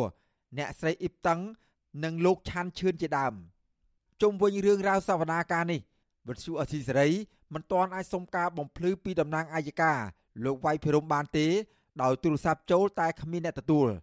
ចំណែកអភិបាលខេត្តកោះកុងអ្នកស្រីមិថុនាពូថងក៏មិនទាន់អាចតាក់ទងបានដែរជុំវិញរឿងចំនួនដីធ្លីនេះដែរមន្ត្រីឃ្លាំមើលសិទ្ធិមនុស្សនៃអង្គការលីកាដូប្រចាំខេត្តកោះកុងលោកហ៊ូអ៊ីនលើកឡើងថាចំនួនដីធ្លីនេះមានពាក់ព័ន្ធរវាងលោកហេងហ៊ុយនិងប្រជាពលរដ្ឋជាច្រើនគ្រួសារលោកបន្តថាការចោទប្រកាន់ពីសំណាក់តុលាការនេះជារឿងមិនត្រឹមត្រូវឡើយ ព្រោះការតវ៉ាទាមទាររបស់ប្រជាពលរដ្ឋកន្លងមក គឺជាការសម្ដែងមតិទាមទាររកដំណោះស្រាយដីធ្លីជូនពួកគាត់តែប៉ុណ្ណោះដូច្នេះតុលាការគួរតែទម្លាក់ការចោទប្រកាន់នេះដើម្បីឲ្យគណៈកម្មការសុយដីធនៈខេត្តក៏ដូចជាក្រសួងដែនដីហ្នឹងធ្វើការសម្រុះសម្រួលដោះស្រាយទំនាស់រវាងប្រជាពលរដ្ឋនៅអង្គញាណាហើយការណាប្រើ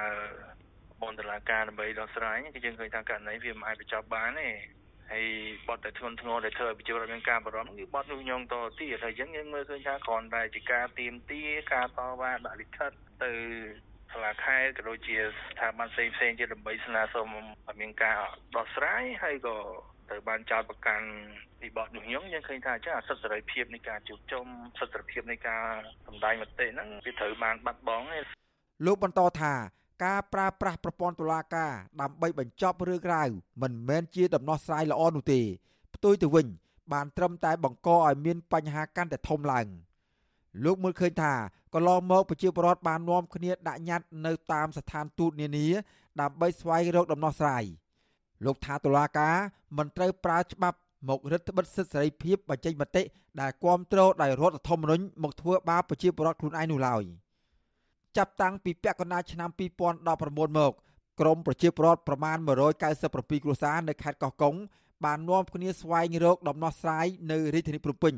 ដើម្បីរកអន្តរាគមន៍ពីក្រសួងរៀបចំដែនដីនគររូបនីយកម្មនិងសំណង់ឲ្យជួយដោះស្រាយវិវាទដីធ្លីរបស់ពួកគាត់រហូតមកទល់នឹងពេលនេះគ្មានដំណោះស្រាយណាមួយនោះឡើយ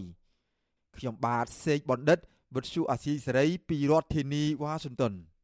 ចាលោករនាងកញ្ញាជាទីមេត្រីចារឿងដាច់ដោយឡែកមួយទៀត មនុស្ស10នាក់ស្លាប់និងរងរបួស15នាក់ផ្សេងទៀតដោយសារតែភ្លើងឆេះផ្ទះក្នុងអំឡុងពេល3ខែដើមឆ្នាំ2022ដែលមានចំនួន186ករណីហើយបើប្រៀបធៀបទៅនឹងអំឡុង3ខែដូចគ្នាទៅនឹងឆ្នាំ2021នៅទូទាំងប្រទេសគឺមានការថយចុះ52ករណីដែលបណ្ដាលឲ្យមានមនុស្សស្លាប់6នាក់និងរងរបួស17នាក់គេហទំព័ររបស់នាយកដ្ឋាននគរបាលបង្ការពន្លត់អគិភ័យនិងសង្គ្រោះ នៃអគ្គនាយកដ្ឋាននគរបាលជាតិឲ្យដឹងថាមូលហេតុចម្បងនៃភ្លើងឆេះផ្ទះគឺដោយសារតែផ្ទុះចរន្តអគិសនី ការធ្វើប្រហែសពីការប្រើប្រាស់ចង្ក្រាននិងការដុតទៀនករណីភ្លើងឆេះផ្ទះនេះបណ្ដាលឲ្យមានមនុស្សស្លាប់និងរងរបួសច្រើនជាងគេនៅរាជធានីភ្នំពេញក្នុងមួយឆ្នាំយ៉ាងហោចណាស់មានករណីមនុស្សស្លាប់ដោយសារតែភ្លើងឆេះផ្ទះចន្លោះពី50ទៅ60នាក់ បំផ្លាញផ្ទះសម្បែងរាប់រយខ្នង និងខាតបង់ថវិកាអស់រាប់លានដុល្លារនាយកដ្ឋាននគរបាលបង្ការពលរដ្ឋអគិភ័យនិងសង្គ្រោះអំពាវនាវឲ្យប្រជាពលរដ្ឋមានការប្រុងប្រយ័ត្នខ្ពស់និងការពារគ្រោះថ្នាក់ទាំងនោះនៅក្នុងសហគមន៍របស់ពួកគេព្រោះភ្លើងឆេះផ្ទះនេះបណ្ដាលឲ្យបាត់បង់ជីវិតហិនហោចផ្ទះសម្បែងនិងទ្រព្យសម្បត្តិនៅក្នុងផ្ទះថែមទៀតផង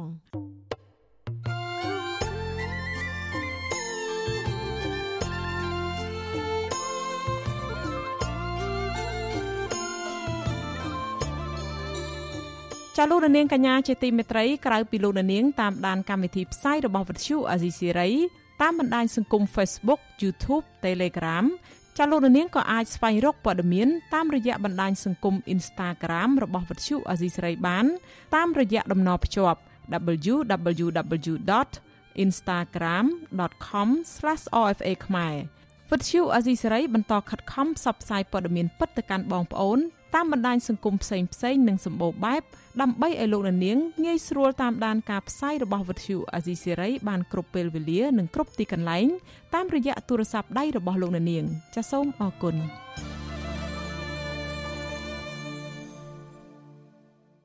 ចាលោកនាងកញ្ញាជាទីមេត្រីចាសសេចក្តីរាយការណ៍តាក់ទងទៅនឹងបញ្ហាសុខភាពវិញគិតត្រឹមឆ្នាំ2020នៅកម្ពុជា អ្នកស្រាវជ្រាវបានកត់ត្រាថាមានមូសចំនួន290ប្រភេទដែលស្មើនឹង20ពួក ក្នុងនោះមាន49ប្រភេទជាប្រភេទកំណត់ត្រាថ្មី និង43ប្រភេទជាប្រភេទមូសដែលពាក់ព័ន្ធនឹងការបង្កជំងឺដង្កាត់ផ្សេងផ្សេងរបាយការណ៍របស់អ្នកស្រាវជ្រាវវិទ្យាស្ថានប៉ាស្ទ័រកម្ពុជា និងនាយកដ្ឋានជីវៈចម្រុះនៃក្រសួងបរិស្ថានឈ្មោះម៉ាកាតព្យាអូលីវីយេអំពីការស្រាវជ្រាវពេញមួយឆ្នាំនៅក្នុងឆ្នាំ2020ដែលចុះផ្សាយដោយសារព័ត៌មានក្នុងស្រុកឲ្យដឹងថាសត្វមូសចំនួន49ប្រភេទ ដែលត្រូវបានកត់ត្រាថ្មីនោះអាចមានចំនួនកើនឡើងនៅថ្ងៃអនាគតជាមួយគ្នានេះអតិពលរបស់បំរែបំរួលអាកាសធាតុនឹងប៉ះពាល់ដល់កំណើនឬការថយចុះចំនួនសត្វមូសក្នុងនោះអាចនឹងមានការកើនឡើងប្រភេទមូសនៅតាមតំបន់ខ្លះដែលមិនធ្លាប់មានមូសប្រភេទនោះពីមុនមកលើសពីនេះការកាប់បំផ្លាញព្រៃឈើក៏អាចនឹងធ្វើឲ្យមូសคล้ายជាភ្នាក់ងារចម្លងមេរោគប្រភេទវីរុស ដែលអាចចម្លងពីមនុស្សទៅមនុស្សនិងប្រភេទវីរុសថ្មីថ្មីដែលអាចបំផ្លែងខ្លួនជាជំងឺឆ្លងថ្មីថ្មីទៀតអ្នកស្រាវជ្រាវកំណត់ថាសត្វមូសចំនួន3ពួកជាភ្នាក់ងារចម្លងជំងឺសកម្មជាងគេ ដូចជាពួក Aedes ជាភ្នាក់ងារបង្កជំងឺគ្រុនឈាម គ្រុនឈីនិង Zika ពួក Anopheles ជាភ្នាក់ងារបង្កជំងឺគ្រុនចាញ់និងពួក Colic ជាភ្នាក់ងារបង្កជំងឺគ្រុនលឿងនិងជំងឺរលាកខួរក្បាលជប៉ុន មូសទាំង3ពួកនេះសុទ្ធតែជាភ្នាក់ងារបង្កជំងឺជើងដំរី នៅកម្ពុជាជំងឺគ្រុនឈាមដែលមានមូសខ្លា ជាភ្នាក់ងារចម្លង បានផ្ទុះឡើងនៅក្នុងឆ្នាំ1995ធ្វើឲ្យអ្នកជំងឺស្លាប់ជាង400នាក់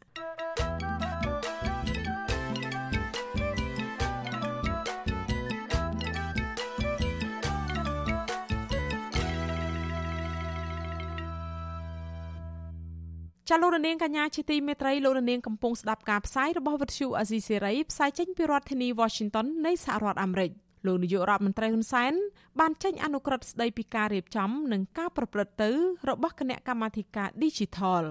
អនុក្រឹត្យដដែលបញ្ជាក់ថាការបង្កើតគណៈកម្មការ Digital នេះដើម្បីធានានៅប្រសិទ្ធភាព និងប្រសិទ្ធផលនៃការបំពេញមុខងារជាសេនាធិការជូនក្រុមប្រឹក្សាជាតិសេដ្ឋកិច្ចនិងសង្គម Digital លើការងារបច្ចេកទេសនិងគោលនយោបាយនៅក្នុងការដឹកនាំសម្របសម្រួល និងជំរុញការកសាងរដ្ឋាភិបាល Digital នៅកម្ពុជា លោកហ៊ុនសែនបានតែងតាំងរដ្ឋមន្ត្រីក្រសួងប្រៃសណីនិងទូរគមនាគមន៍ជាប្រធានគណៈកម្មាធិការ Digital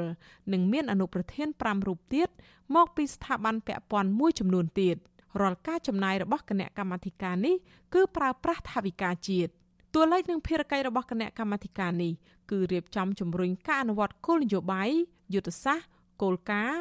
និងទិសដៅតាមសកម្មភាពអតិភិបនៃការកសាងរដ្ឋាភិបាល Digital ដើម្បីដាក់ជូនក្រុមប្រឹក្សាជាតិសេដ្ឋកិច្ចនិងសង្គម Digital គណៈកម្មាធិការ Digital មានអគ្គលេខាធិការដ្ឋានមួយ ជាសេនាធិការដែលមានទួនាទីនិងភារកិច្ចទទួលខុសត្រូវលើការងារបច្ចេកទេស និងរដ្ឋបាល លើកិច្ចការរដ្ឋបាល ការរៀបចំរបាយការណ៍ការស្រាវជ្រាវគោលនយោបាយនិងច្បាប់ និងការសិក្សាអភិវឌ្ឍគម្រោងជាដើម។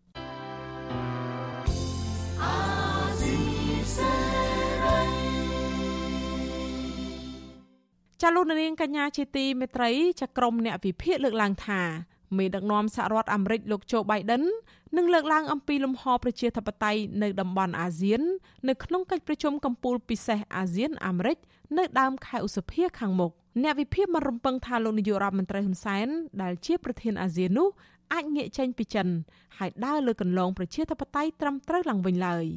ចាប់ពីរដ្ឋធានី Washington លោកទីនសាការីយ៉ារាយការណ៍អំពីរឿងនេះ ក្រុមនៃវិភាគខ្លះមិនរំពឹងថាលោកនាយរដ្ឋមន្ត្រីហ៊ុនសែននឹងផ្លាស់ប្តូរអរិយាប័ត្រដឹកនាំរបស់ខ្លួនឡើយទោះជាកម្ពុជាធ្វើជាសហប្រធានដឹកនាំកិច្ចប្រជុំកំពូលពិសេសអាស៊ានអាមេរិកនៅពេលខាងមុខក្តីអ្នកជំនាញវិជាសាស្ត្រនយោបាយនិងដំណាក់ដំណងអន្តរជាតិលោកអែមសវណ្ណរាមមានប្រសាសន៍ថាថ្មីថ្មីនេះទោះជាកម្ពុជាហាក់ដូចជាផ្លាស់ប្ដូរជំហរឬបន្ទន់អេរយាប័តបន្តិចក្តីតែលោកថានេះជានយោបាយការទូតបត់បែនរបស់កម្ពុជាដើម្បីបញ្ជាទណ្ឌកម្មពីសហរដ្ឋអាមេរិកតែប៉ុណ្ណោះ ខ្ញុំអត់សង្ឃឹមថានឹងមានការប្រែប្រួលឬការកែប្រែទេការដូរទម្រង់នយោបាយរបៀបសម្ដែងអរិយាប័ត្រនយោបាយការទូតនិងជំហរនយោបាយនឹងគ្រាន់តែរក្សាកុំឲ្យមានគំនាបឬក៏អត្តពលពីលោកខាងលិចជាពិសេសសហរដ្ឋអាមេរិកមកលើបណ្ដារដ្ឋនៅក្នុងតំបន់ជាពិសេសដូចកម្ពុជាឧទាហរណ៍បញ្ហាខ្ញុំគិតថាបញ្ហាប្រជុំរឿងប្រជាធិបតេយ្យសិទ្ធិមនុស្សប្រហែលជាគេលើកទោះបីជានឹងក្របខ័ណ្ឌតូចចង្អៀតប្រ ហែលជាគេលើកនឹងយកមកជជែកគ្នាខ្លះហើយមិនអាចបោះបង់ចោលទេបាទការលើកឡើងនេះនៅស្របពេលកិច្ចប្រជុំកំពូលពិសេសអាស៊ានអាមេរិកត្រូវបានកំណត់ពេលវេលាជាថ្មីឡើងវិញក្រោយពីបានខកខានកិច្ចប្រជុំពិសេសនេះកាលពីខែមីនាកន្លងទៅសេចក្តីប្រកាសព័ត៌មានរួមរបស់ប្រធានអាស៊ាននិងសារ៉ាអាមេរិកឲ្យដឹងថាកិច្ចប្រជុំនេះនឹងធ្វើឡើងនៅរដ្ឋធានី Washington រយៈពេល2ថ្ងៃគឺថ្ងៃទី12និងថ្ងៃទី13ខែឧសភាខាងមុខនេះអ្នកខ្លំមើលផ្នែកអភិវឌ្ឍសង្គមបណ្ឌិតសេនស៊ូរីមានប្រសាសន៍ថា ទោះបីជាអាស៊ានបង្កើតឡើងដើម្បីទប់ទល់នឹងមនោគមវិជ្ជាកុម្មុយនីសក្តីតែប្រទេសអាស៊ានមួយចំនួនដូចជាកម្ពុជានិងឡាវនៅតែងាកទៅរកមនោគមវិជ្ជាកុម្មុយនីសចិនដដែលលោកបន្ថែមថាសហរដ្ឋអាមេរិកនិងចិនសម្លឹងមើលអាស៊ានប្រៀបដូចជាកូនក្រមុំមួយដែលមហាអំណាចទាំងពីរនៅប្រទាញបតុងគ្នាអាមេរិកនៅមើលឃើញកម្ពុជាថាជាប្រទេសរំលោភសិទ្ធិមនុស្ស បំពេញប្រជាធិបតេយ្យហើយរួមទាំងអនុញ្ញាតឲ្យមានវត្តមានកងទ័ពចិននៅក្នុងប្រទេសកម្ពុជានេះនៅក្នុងកៅភ្នែករបស់អាមេរិកអញ្ចឹងហើយយន្តការដែលអាមេរិកដាក់សម្រាប់កម្ពុជាហ្នឹងយើងឃើញថាមានទណ្ឌកម្ម3ធំធំដែលទី1គឺ GSP ទី2គឺ Magnitsky Act ដែលដាក់ទណ្ឌកម្មបង្កកទ្រព្យសម្បត្តិមន្ត្រី ឬក៏អ្នកជំនួយដែលមានជាប់ពាក់ព័ន្ធជាមួយនឹងរដ្ឋាភិបាលជាដើមហើយចុងក្រោយយើងឃើញថាច្បាប់មួយដែលអាមេរិកត្រៀមនឹងអនុម័តគឺ HR 4686ជាច្បាប់ដែលដាក់ទណ្ឌកម្មទៅលើប្រទេសទាំងឡាយណាដែលបំពានសិទ្ធិមនុស្សតើតើនឹងបញ្ហានេះអ្នកនាំពាក្យសតវិមានបានលើកឡើងនៅក្នុងសេចក្តីថ្លែងការណ៍កាលពីថ្ងៃទី16មេសាថារដ្ឋបាលរបស់លោកប្រធានាធិបតី Joe Biden ដាក់ចេញនៅអធិភាពកម្ពុជាធ្វើជាដៃគូដ៏រឹងមាំនិងគួរឲ្យទុកចិត្តនៅតំបន់អាស៊ីអាគ្នេយ៍ អ្នកស្រីបន្តថាបំណងប្រាថ្នារួមរបស់សហរដ្ឋអាមេរិកគឺចង់ឲ្យតំបន់ Indo-Pacific មានលំហសេរីមានសន្តិសុខសុវត្ថិភាព ការតភ្ជាប់និងភាពធន់អ្នកជំនាញច្បាប់និងនយោបាយអន្តរជាតិកញ្ញាសេងធារីមានប្រសាសន៍ថាសហរដ្ឋអាមេរិកបានយកចិត្តទុកដាក់តំបន់អាស៊ានខ្លាំងដោយបានយកទីតាំងរដ្ឋធានី Washington ដែលជាបេះដូងរបស់អាមេរិកធ្វើជាទីកន្លែងប្រជុំដែលមិនធ្លាប់មានពីមុនមកកញ្ញាសេនធារីបន្ថែមថាលហ៊ុនសែននឹងមានមោទនភាព ក្នុងនាមជាប្រធានបដូវវេនអាស៊ានដែលបានមកធ្វើជាសហប្រធាននឹងសហរដ្ឋអាមេរិកជាពិសេសក្រោយកិច្ចប្រជុំនេះលោកនឹងប្រកាសប្រាប់បរដ្ឋថាសហរដ្ឋអាមេរិកក៏មានទំនាក់ទំនងល្អជាមួយលោកដែរ។ យើងក៏យល់អំពីអំណាចចិនថាចិននៅស្ងៀមទេអឺពេលគាត់បានប្រជុំនៅ Washington DC ថតរូបជាមួយមាន Capitol Hill ពីក្រោយផង White House ពីក្រោយផងអតិសតិវិមានពីក្រោយផងវិមាន Capitol Hill ពីក្រោយផងហើយមាននិមិត្តរូបច្រើនដែលពួកគាត់នឹងថតរូបពីពេញ ពីព្រោះយើងប្រចាំថ្ងៃយើងឃើញពិភពលោកគ្រាន់តែឃើញរូបភាពនឹងភ្លាមដឹងថានេះជាមហាអំណាចគាត់នឹងឆ្លៀតឱកាសនៅក្នុងការថតរូបឲ្យបង្ហោះមកអួតប្រជាពលរដ្ឋខ្មែរអានឹងយើងដឹងទោះបីជាលោកហ៊ុនសែនប្រហែលនឹងអួតអាងថាលោកបានមកចាប់ដៃជាមួយលោកโจ Biden ដឹកនាំអង្គប្រជុំពិសេសនេះក្តីបើសិនជាលោកគ្មានការកែប្រែអំពីរបៀបដឹកនាំរបស់ខ្លួនទេនោះនេះវិភាគថាលោកហ៊ុនសែននឹងខាត់បងច្រើន ជាពិសេសគឺប្រព័ន្ធអនុគ្រោះពន្ធរបស់សហរដ្ឋអាមេរិកគឺ GSP និងតន្តកម្មផ្សេងផ្សេងទៀតប្រព័ន្ធអនុគ្រោះពន្ធទូទៅ GSP របស់សហរដ្ឋអាមេរិកបង្កើតឡើងក្នុងគោលដៅជួយអភិវឌ្ឍនិងពង្រឹងការលូតលាស់សេដ្ឋកិច្ចរបស់ប្រទេសក្រីក្រសហរដ្ឋអាមេរិកដល់ប្រព័ន្ធអនុគ្រោះពន្ធនេះក្រោមលក្ខខណ្ឌដែលប្រទេសទទួលត្រូវធានាការគោរពសិទ្ធិការងារនិងលុបបំបាត់រាល់ទម្រង់នៃពលកម្មកុមារព្រមទាំងលក្ខខណ្ឌមួយចំនួនទៀតកម្ពុជាចាប់ផ្ដើមទទួលបានការអនុគ្រោះពន្ធ GSP នៅឆ្នាំ1997ហើយតាមរយៈកម្មវិធីនេះ កម្ពុជានាំចេញទំនិញទៅកាន់ទីផ្សារសហរដ្ឋអាមេរិកគិតជាទឹកប្រាក់ជាង180លានដុល្លារក្នុងមួយឆ្នាំមួយឆ្នាំប្រព័ន្ធអនុគ្រោះពន្ធ GSP ពីសហរដ្ឋអាមេរិកផ្ដល់ឲ្យកម្ពុជា និងប្រទេសមួយចំនួនទៀតបានផុតសុពលភាព តាំងពីខែធ្នូឆ្នាំ2020មកហើយមកទល់ពេលនេះសហរដ្ឋអាមេរិកនៅមិនទាន់បន្តសុពលភាពឲ្យវិញនៅឡើយទេនៅក្រៅកិច្ចប្រជុំកំពូលពិសេសអាស៊ានអាមេរិកនេះបើសិនជាលោកហ៊ុនសែនបើកលំហសិទ្ធិសេរីភាព និងអនុវត្តតាមគន្លងប្រជាធិបតេយ្យឡើងវិញក្រុមអ្នកតាមដានកិច្ចការអន្តរជាតិអះអាងថាកម្ពុជានឹងទទួលបានប្រព័ន្ធអនុគ្រោះពន្ធទូទៅ GSP ពីសហរដ្ឋអាមេរិកនេះឡើងវិញក៏ប៉ុន្តែនាយវិភាគសង្ឃឹមតិចតួចណាស់ថាលោកហ៊ុនសែននឹងបើកលំហសិទ្ធិសេរីភាពឡើងវិញ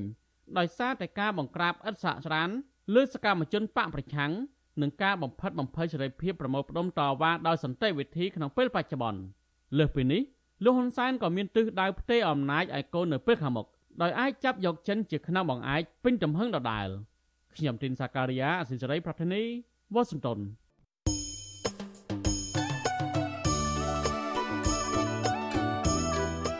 ចាលោកនាងកញ្ញាប្រិមមអ្នកស្ដាប់ជាទីមេត្រីលោកនាងកំពុងស្ដាប់ការផ្សាយរបស់វិទ្យុអាស៊ីសេរីផ្សាយចេញពីរដ្ឋធានី Washington នៃសហរដ្ឋអាមេរិក នៅក្នុងឱកាសនេះដែរនាងខ្ញុំសូមថ្លែងអំណរគុណដល់លោកនាងកញ្ញាទាំងអស់ដែលតែងតែមានភក្ដីភាពចំពោះការផ្សាយរបស់យើងហើយចាត់ទុកការស្ដាប់វិទ្យុអាស៊ីសេរីគឺជាផ្នែកមួយនៃសកម្មភាពប្រចាំថ្ងៃរបស់លោកនាងការគ្រប់គ្រងរបស់លោកនាងនេះហើយដែលធ្វើឲ្យយើងខ្ញុំមានទឹកចិត្តកាន់តែខ្លាំងថែមទៀតក្នុងការស្វែងរកនិងផ្តល់ព័ត៌មានជូនលោកអ្នកនាងមានអ្នកស្ដាប់អ្នកទស្សនាកាន់តែច្រើន កាន់តែធ្វើឲ្យយើងខ្ញុំមានភាពស្វាហាប់មោះមុតជាបន្តទៀត ចា៎យើងខ្ញុំសូមអរគុណទុកជាមុនហើយសូមអញ្ជើញលោកអ្នកនាងកញ្ញាចូលរួមជំរុញឲ្យសកម្មភាពផ្តល់ព័ត៌មានរបស់យើងកាន់តែជោគជ័យបន្ថែមទៀតចាសសូមលោកអ្នកនាងជួយយើងខ្ញុំដោយគ្រាន់តែចុចចែករំលែកឬ share ការផ្សាយរបស់យើងនៅលើបណ្ដាញសង្គម Facebook និង YouTube ទៅកាន់មិត្តភ័ក្តិរបស់លោកអ្នកដើម្បីឲ្យការផ្សាយរបស់យើងបានទៅដល់មនុស្សកាន់តែច្រើនចាសសូមអរគុណ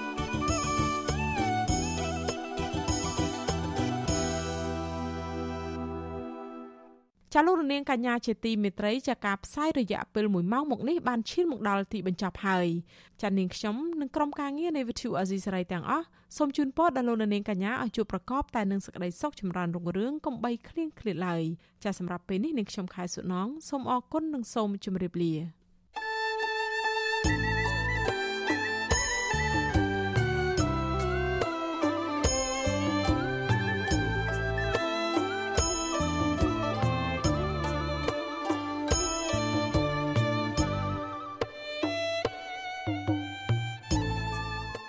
វិទ្យុអាស៊ីសេរីផ្សាយតាមរលក ធាតុអាកាសខ្លី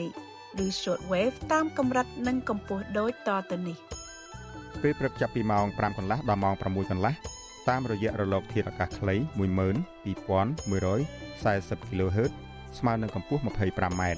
និង13715 kHz ស្មើនឹងកម្ពស់ 22m ពេលយប់ចាប់ពីម៉ោង7កន្លះដល់ម៉ោង8កន្លះតាមរយៈរលកធាតុអាកាសខ្លី 9960 kHz ស្មើនឹងកម្ពស់ 30m 12140 kHz ស្មើនឹងកម្ពស់ 25m និង11885 kHz ស្មើនឹងកម្ពស់ 25m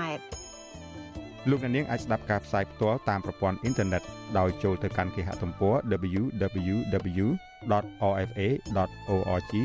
ខ្មែរក្រៅពីនេះលោកអ្នកនាងក៏អាចអាននិងទស្សនាព័ត៌មាន Visual Asia លើទូរស័ព្ទដៃរបស់លោកអ្នកផ្ទាល់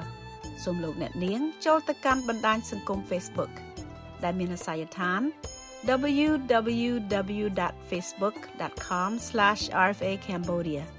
និង YouTube www.youtube.com/rfa khmer video សូមលោកអ្នកនាងចុច like និងចុច Subscribe ដើម្បីទទួលបានព័ត៌មានថ្មីៗទាន់ហេតុការណ៍និងទស្សនាវីដេអូផ្សេងៗទៀត បានគ្រប់ពេលវេលា